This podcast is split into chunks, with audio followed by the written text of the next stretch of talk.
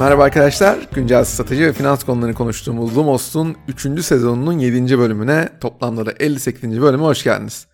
Lumos'un tüm bölümlerine dinleyebileceğiniz tüm platformlara lumos.net üzerinden ulaşabilirsiniz. Güncel gelişmelerden haberdar olmak, önemli haberleri Lumos'un gözünden takip etmek isterseniz de sizleri Lumos'un Twitter, LinkedIn ve Instagram hesaplarına bekliyorum. Sosyal medya hesaplarınızda Lumos'u paylaşarak ya da Ekşi Sözlük, Apple Podcast üzerinden değerlendirme bırakarak Lumos'un büyümesine katkıda bulunabilirsiniz. Sizlere desteğiniz için şimdiden çok teşekkür ediyorum. Dinlediğiniz platformda Lumos kanalına abone olmayı ve bildirimleri açmayı unutmayın lütfen. DMVB dosyamızın 7. bölümünde konuğumuz başta bebek bezi olmak üzere şampuan, saç kremi, el temizleyicisi, biberon temizleyicisi gibi ürettiği organik ürünlerle ön plana çıkan Anus Company. Giderek daha fazla insanın etik tüketim konusunda endişelendiği bir dünyada yaşıyoruz. Artık çok sayıda tüketici satın aldıkları şeyin içinde ne olduğunu bilmek istiyor.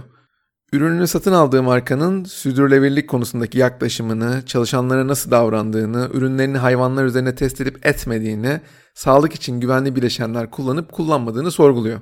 Ama zamanı 15 yıl geriye sardığımızda tüketicilerin bu kadar bilinçli olduğunu söylemek zor. İşte Honest Company etik tüketimin çok da önemsenmediği bir dönemde ortaya çıkarak yavaş yavaş bu bilinci tüketicilere aşılamış bir marka.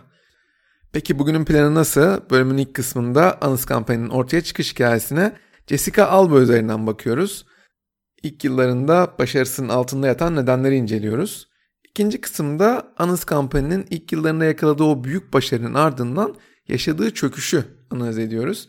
Şirketin içinde bulunduğu türbülanstan nasıl çıktığını konuşuyoruz. Son kısımda ise şirketin IPO sürecine bakıp geleceği hakkında tahminlerde bulunarak bölümü tamamlıyoruz. Hadi başlayalım.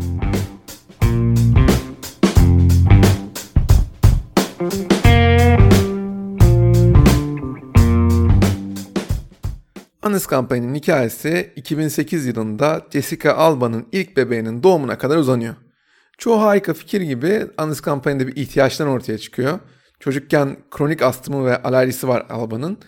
Bebeğinin kıyafetleri için kullandığı deterjanlara reaksiyon gösteriyor. Acaba daha güvenli, daha doğal ürünler bulabilir miyim diye yola çıkıyor. İlk olarak kabartma tozu, sirke ve uçucu yağlar kullanarak kendi temizlik ürünlerini yapmayı deniyor. Ama bunun sürdürülebilir olmadığını anlaması pek uzun zaman almıyor. Sonrasında ana akımda pek de yer bulmayan daha sağlıklı ürünleri araştırmaya önemli bir mesai harcıyor. Sektörde bir şeyleri değiştirmek konusunda kararlı olduğu mesajını sürekli olarak veriyor. Özellikle Instagram takipçileri de bu döneme yakından şahitlik ediyorlar. Alba Healthy Child Healthy World isimli derneğin kurucusu Christopher Gavigan ile iletişime geçiyor.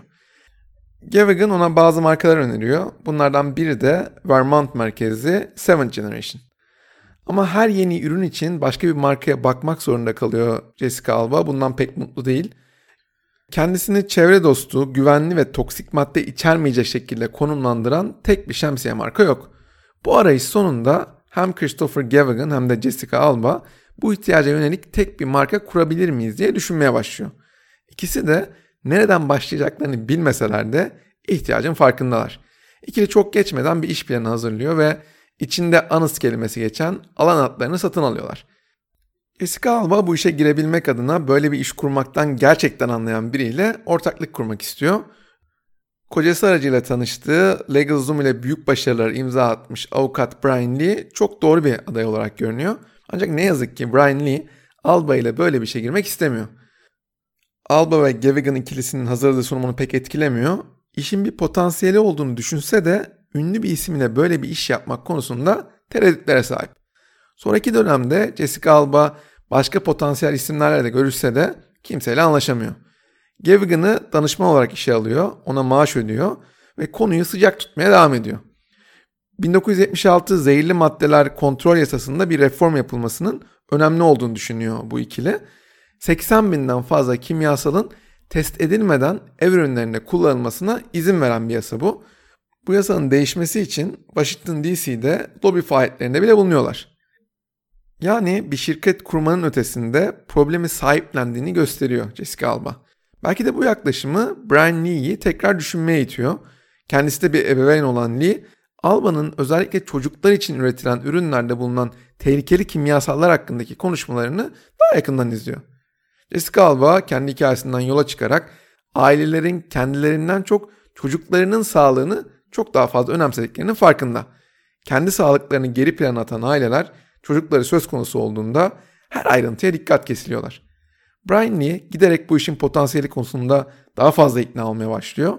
En sonunda da Jessica Alba ve Brian Lee ikilisi 6 milyon dolarlık başlangıç sermayesiyle Honest Company'yi kuruyor. Honest Company'nin en önemli görevi aileleri bilinçlendirerek problemin ne kadar büyük olduğunu göstermek. Bunu yaptıklarında başarının kendiliğinden geleceğini düşünüyorlar. Honest Company bebekler ve çocuklar için hijyenik ve güvenli ürünlere ihtiyaç duyan ailelere bebek bezinden kozmetik ve hijyen ürünlerine bir dizi ürün sunmaya başlıyor. Honest Company'nin başarısının anahtarı ve marka stratejisinin temel taşı bu. Şirketin belki de en önemli avantajı kusursuz bir kamu imajına ve çok başarılı bir Hollywood kariyerine sahip Jessica Alba. Kısa bir süre önce bebek sahibi olmuş Jessica Alba kendi ihtiyacı için bir şirket kurmuş gibi görünüyor. İnsanlar sürecin başından itibaren Jessica Alba'nın yaklaşımını bildikleri için Anıs kampanyayı benimsemekte zorlanmıyorlar. Jessica Alba'nın influencer olarak etki gücüyle Brian Lee'nin girişimci olarak bildikleri birleşince ortaya çok iyi bir kombinasyon çıkıyor. Fiziksel bir mağaza zinciri açarak ilerlemeleri kolay görünen yol, bunun yerine tamamen online olarak başlıyorlar. Bu markanın çok daha büyük kitlelere ulaşmasını kolaylaştırırken tüm ülkeye satış yapabilmelerini de sağlıyor.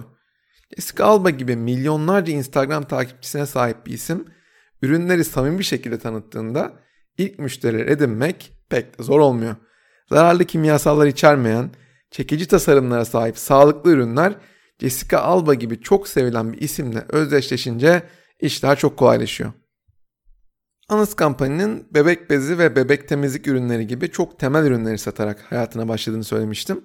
Kataloglarını oluştururken çok dikkatli davranıyorlar. Hangi kitleye gitmek istediklerini çok iyi bildikleri için kitlerin ihtiyaç duyduğu şeylere mümkün olduğunca uyum sağlayarak hayatlarına başlıyorlar. Çok fazla ürünle kafa karıştırmak yerine gerçekten güvendikleri ürünlerle yola çıkmaları tüketicilerin güvenini çok daha hızlı kazanmalarını sağlıyor. Honest Company ilk yıllarında çok hızlı bir şekilde büyüyor. 6 milyon dolar sermaye ile kurulan şirket 2012 yılında 12 milyon dolarlık bir ciro yapıyor. O kadar hızlı bir şekilde büyüyor ki 2012'nin 3. ayında 89 milyon dolar değerleme üzerinden seri A yatırım turunu tamamlıyor. 2013'ün Eylül'üne geldik. Bu kez 300 milyon dolar değerleme üzerinden yatırım alıyor. Tam bir yıl sonra bu kez seri C turunda değerlemesi 820 milyon dolara kadar çıkıyor. 2014 yılında yaklaşık 150 milyon dolar gelir elde eden şirket artık herkes için özel bir başarı hikayesi. 2015 yılının Temmuz ayına geldik. Seri D yatırım turunda karşımızda bir unicorn var. Değerlemesi 1.6 milyar dolar. Peki Anıs Company'nin ilk yıllarında bu kadar başarılı olmasının temelinde yatan sebepler ne? Anıs Company ilk yıllarında aldığı büyük yatırımlarla hızlı şekilde unicorn statüsünü kazanırken ana odağının sosyal medya erişimi üzerinden o niş hedef kitlesini ikna etmek olduğunu söyleyebilirim. Çocuk bakım ürünlerinin güvenli, uygun fiyatlı ve çevre dostu olması gerektiğini her fırsatta savunuyorlar. Bunu şirketin dürüst standart olarak adlandırılan yol gösterici manifestosu haline getiriyorlar. Alba ve ekibi şirketin misyonunu takdir eden bir sosyal medya topluluğu oluşturmaya odaklanıyor. Honest Company pazarlama faaliyetlerini başta Instagram olmak üzere sosyal medya üzerinden yürütüyor. Instagram'da, Pinterest'te ve Twitter'da özel olarak odaklanıyor şirket. Bütün sosyal medya kanallarından tutarlı bir iletişimle büyüyor. Instagram'da yaklaşık 20 milyon takipçisi var Jessica Alba'nın. Böyle bir isme sahip olunca bunun her türlü avantajını kullanıyorsunuz. Bu sadece Anıs Company'nin imajını sağlamlaştırmakla kalmıyor. Aynı zamanda onlara ürünlere daha fazla odaklanmaları için de bir fırsat sağlıyor. Aslında şirketin en büyük şansının Jessica Alba olduğu bir gerçek. Bu işbirliğinin sıradan bir ürün ortaklığına benzemediği konusunda herkes fikir. Alba'nın problemi sahiplenmesi ve şirketi ürünleri bu probleme yönelik çözüm olarak sunması markanın pazarda konumlanmasını çok kolaylaştırıyor. Doğal ve etik çocuk bakım ürünlerinin zaten açık sözlü bir savunucusu olan Alba bir otorite olarak takipçileriyle kolayca bağlantı kurabiliyor. Anıs Company'nin başarısının altında yatan üçüncü bir faktör de şirketin sosyal medyayı verdiği mesajları güçlendirmenin bir yolu olarak kullanabilme becerisi. Ekip topluluklarına yardımcı olacak sosyal yardımlara da odaklanıyor. March of Dimes, Baby to Baby gibi birçok kuruluşta sosyal sorumluluk projeleri yürütüyor. Bu yalnızca Anıs Kampanya'nın misyonuyla uyumlu olmakla kalmıyor, aynı düşünceye sahip kişilerden ve şirketlerden oluşan topluluklarını da büyütüyor. Ek olarak Anıs Kampanya insanların kullandıklarını söylemekten gurur duyacağı ürünler üretiyor. Bunu yine avantaja çeviren şirket kullanıcılarını projenin bir parçası haline getiriyor. Onları paylaşım yapmak konusunda teşvik ediyor. Fikirlerini dinlediğini de aksiyonlarıyla gösteriyor. Bu da markanın daha hızlı büyümesine yardımcı oluyor. Anıs Company, komünite yaratmanın ne kadar önemli olduğunu gösteren bir marka.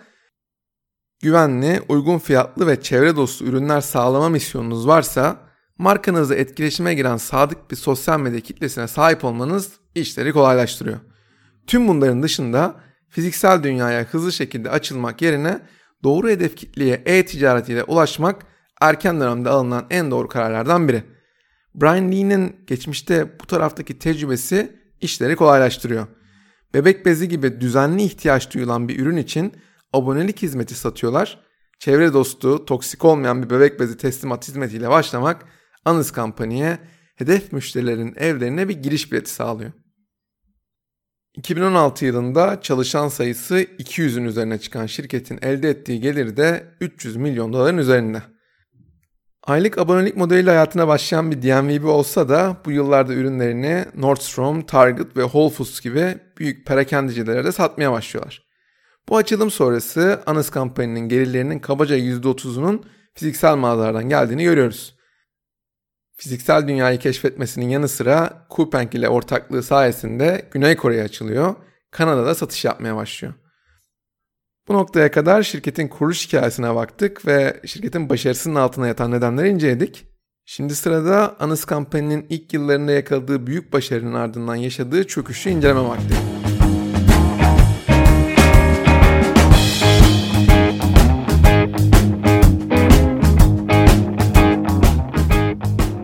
Anıs Company ilk yıllarında yakaladığı büyük başarının ardından 2015 yılından itibaren çeşitli problemlerle karşılaşıyor. Şirket güvenli ve çevre dostu imajıyla ön plana çıktıkça yaptığı uygulamalar daha fazla radara yakalanıyor. Unilever'e satış söylentilerinden de büyük yara alıyor. Bonobos'un Walmart'a satışında olduğu gibi markanın sadık tüketicileri ihanete uğradıklarını hissediyorlar. Bunlar dışında Anıs Company'nin bazı ürünlerinin iddia ettiği özellikleri taşımadığı ile ilgili de raporlar ortaya çıkıyor. Bunların arasında markaya en çok zarar vereni Anıs Company'nin doğal olduğunu söylediği güneş kremi. Eylül 2015'te güneş kreminin işlevini yerine getirmediğini ve gerçekten doğal olmadığını söyleyen bir müşteri şirkete dava açıyor. Olay o kadar büyüyor ki günün sonunda Anıs Company bu ürünleri kataloğundan çıkarmak zorunda kalıyor. Nisan 2016'da Organic Consumers Association şirketin bebek ürünlerinde organik olmayan bileşenler içerdiğini iddia eden bir dava daha açıyor. Mart 2016'ya geldik. Şirketin deterjanları konusunda yanlış bilgilendirme yaptığını iddia eden bir Wall Street makalesi yayınlanıyor. Bu makale geniş çaplı bir class action davasına dönüşüyor. Mayıs 2017'de bu toplu davayı çözmek için Anıs kampanyayı 1,5 milyon dolar ödemeyi kabul ediyor. Ama ne yazık ki problemler bununla da sınırlı kalmıyor. Onlarca ev ve kişisel bakım ürününü doğal, bitki bazlı veya kimyasal içermez olarak etiketlediği için yeniden dava ediliyor. Bu davayı Haziran 2017'de 7.3 milyon dolar ödeyerek çözüyor. Bundan belki de daha kötüsü sadık müşterilerinin kafasındaki o dürüst şirket imajının zarar görmüş olması. Bu olaylar yaşanırken e-ticaret tarafı da kendi doğal akışında yatay bir seyir izleyince Anıs kampanyanın satışları iyiden iyiye etkileniyor. Şirket hem kategori hem de ürün çeşitliliğini arttırmak konusunda adımlar atıyor. Bunların sonuçları da olumsuz oluyor. Sadık destekçiler yeni ürünleri benimsemiyorlar. Hatta Anıs Company'nin giderek daha fazla ticari yaklaşım benimsediğini düşünüyorlar. Her yeni ürün güneş kreminde yaşanan skandalı bir kez daha gün yüzüne çıkarıyor. Jessica Alba ekolojik ve doğal ürünler kullanmanın önemini vurgularken en önemli destekçileri bile Anız kampanyanın ürünlerini sorgulamaya başlıyor. Ürün fonksiyonel olarak işlevini yerine getirmiyorsa ne kadar doğal olursanız olun hiçbir önemi kalmıyor. İsminizde bile mesaj verme kaygısı taşıyorsanız tutarlı ve şeffaf olmak belki de bir zorunluluk haline geliyor. Bu noktadan sonra şirketin giderek daha kötüye gittiği bir senaryoyu hayal etmek güç değil. Ama Anıs Company durumu tekrar tersine çevirerek buradan bir başarı hikayesi yazıyor. Ryan Lee görevinden ayrılırken şirketin operasyonel yönetimini Clorox Company'de Chief Operations Officer olarak görev yapan Nick Lahos gibi çok tecrübeli bir isme bırakıyor.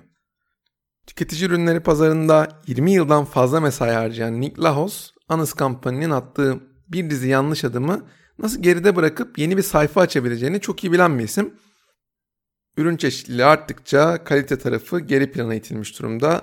Genele hitap eden markalardan pek de farklı olmadığı izlenimi oluşmuş tüketicilerin gözünde. Bu durum ne yaratıyor?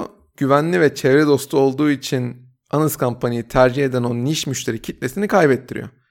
Niklaus ilk olarak bu kullanıcıları tekrar kazanmaya odaklanıyor. Şirketin başarılı olmasını sağlayan o baştaki kurucu değerleri tekrar sahipleniyor. Arge'nin yanı sıra üretimi, kalite güvencesini de şirket içinde yapmaya başlıyor. Şirketin gelirinin yaklaşık %75'ini sağlayan bebek bezi gibi en çok satan ürünlerine odaklanıyor. Ürün gamındaki bütün fazlalıklardan kurtuluyor. Müşterilerinin markayla ilk olarak neyi ilişkilendirdiğine odaklanmak da Anız kampanya için geri dönüşün fitilini ateşliyor. 2015-2017 arasındaki türbülans sonrası tüketici markaları odaklı private equity Al Catterton Anız kampanyaya 200 milyon dolarlık bir yatırım yapıyor. Şirketin değerlemesi aşağı gelse de tekrar toparlanmak konusunda bu yatırım çok büyük bir öneme sahip. 850 milyon dolar üzerinden yapılıyor yatırım. Şirketin 2015 değerlemesinin yaklaşık yarısı ama bütün bunlar şirketin tekrar başlangıçtaki rotasına oturmasını sağlıyor. Anız kampanyanın yaşadığı çöküş sonrası küllerinden nasıl geri doğduğunu konuştuk. Son kısımda ise şirketin IPO sürecine bakıp geleceği hakkında tahminlerde bulunarak bölümü kapatacağız.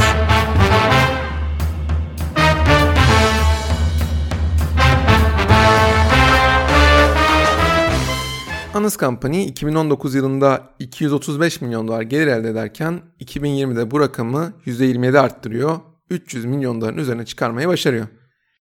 Şirket bugün 3 ana kategoride ürünler sunuyor. Bunlardan ilki gelirlerinin %63'ünü oluşturan bebek bezi ve temizleme mendili kategorisi. İkincisi gelirin %26'sını oluşturuyor cilt ve kişisel bakım. Son olarak da gelirlerin %11'inin geldiği ev ve sağlık kategorisi var. Yıllar içinde finansal anlamda daha iyi noktaya giden şirketin bugünkü brüt kar marjı da %36 seviyelerinde. Buna rağmen hala karlı bir operasyona ulaşamadığını da söylemeliyim. Böyle bir durumda halka açılmanın ne kadar büyük bir risk olduğunu Casper bölümünü dinleyenler hatırlayacaktır. Anas Company'nin ürün ekosisteminin merkezinde tüm ürün portföyü için bir giriş noktası görevi gören stratejik bir ürün var. Nedir bu ürün? Bebek bezi. Bebek bezinden memnun olan yeni ebeveynler genellikle günlük aile ihtiyaçları için diğer kategorilerden de ürünler satın almaya devam ediyorlar. Şirketin müşteri profili genellikle genç, mobil merkezli ve dijital eğilimli. Bu kitleye kısa, kolay ve tüketilebilir içeriklerle ulaşmanız mümkün. Şirket hayatına tamamen dijital başlasa da zaman içinde omnichannel bir oyuncu olmak adına da büyük çaba sarf ediyor. 2013'te Costco'yla, 2014'te Target'la, 2017'de Amazon ile işbirliğine gidiyor. Anıs ürünleri Amerika'da, Kanada'da ve Avrupa genelinde yaklaşık 32 bin perakende satış noktasında bulunabiliyor. Bugün gelirlerin yaklaşık %55'i dijitalden geliyor, %45'i fizikselden geliyor. Bu anlamda da konuştuğumuz diğer DMV'lerden kesinlikle ayrışıyor. Şirket 2021'in Mayıs ayına geldiğimizde 1.4 milyar dolar değerleme üzerinden halka açılıyor. 2015 yılında değerlemesi 1.6 milyar dolara çıkan bir şirket için bunun nasıl bir başarı olduğunu sorgulayanlar olacaktır. Ancak 2016 yılında geri dönülmez bir yere doğru ilerleyen şirketin tekrar bu çıkışı göstermesi bana göre çok çok büyük bir başarı. Ne yazık ki IPO sonrası geçtiğimiz 8 aylık dönemde şirketin piyasa değeri sürekli aşağı yönde gitti ve 575 milyon dolara kadar geriledi. Düşüşün temelinde ne var? Evet tahmininiz doğru. Şirket hala karlı değil.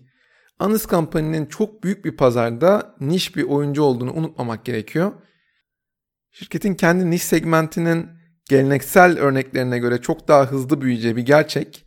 Rakam üzerinden konuşacak olursak sağlıklı ve doğal ürünler kategorisinin geleneksel örneklerine göre 6 kat daha hızlı büyümesi bekleniyor. Ancak burada temel problem P&G, Unilever, Johnson Johnson gibi dev rakiplerinin operasyonel verimlilik açısından mükemmeliyete ulaşmış olmaları. Özellikle fiziksel perakende tarafında raf alanlar açısından da büyük avantajlara sahip rakiplerine göre Anız Company'nin karlı bir şekilde ayakta kalabilmesi hiç kolay görünmüyor. Başka bir deyişle Anız Company'nin rakipleri önemli ölçüde raf alanını kontrol ediyor ve bunu sağlayan perakendecilerle de uzun vadeli ilişkilere sahip. Podcast'in yavaş yavaş sonuna gelirken yeni bir kehanette bulunmak istiyorum. Şirketin geleceği adına bence en olası senaryolardan biri P&G, Unilever, Johnson Johnson gibi büyük bir rakibine satılması.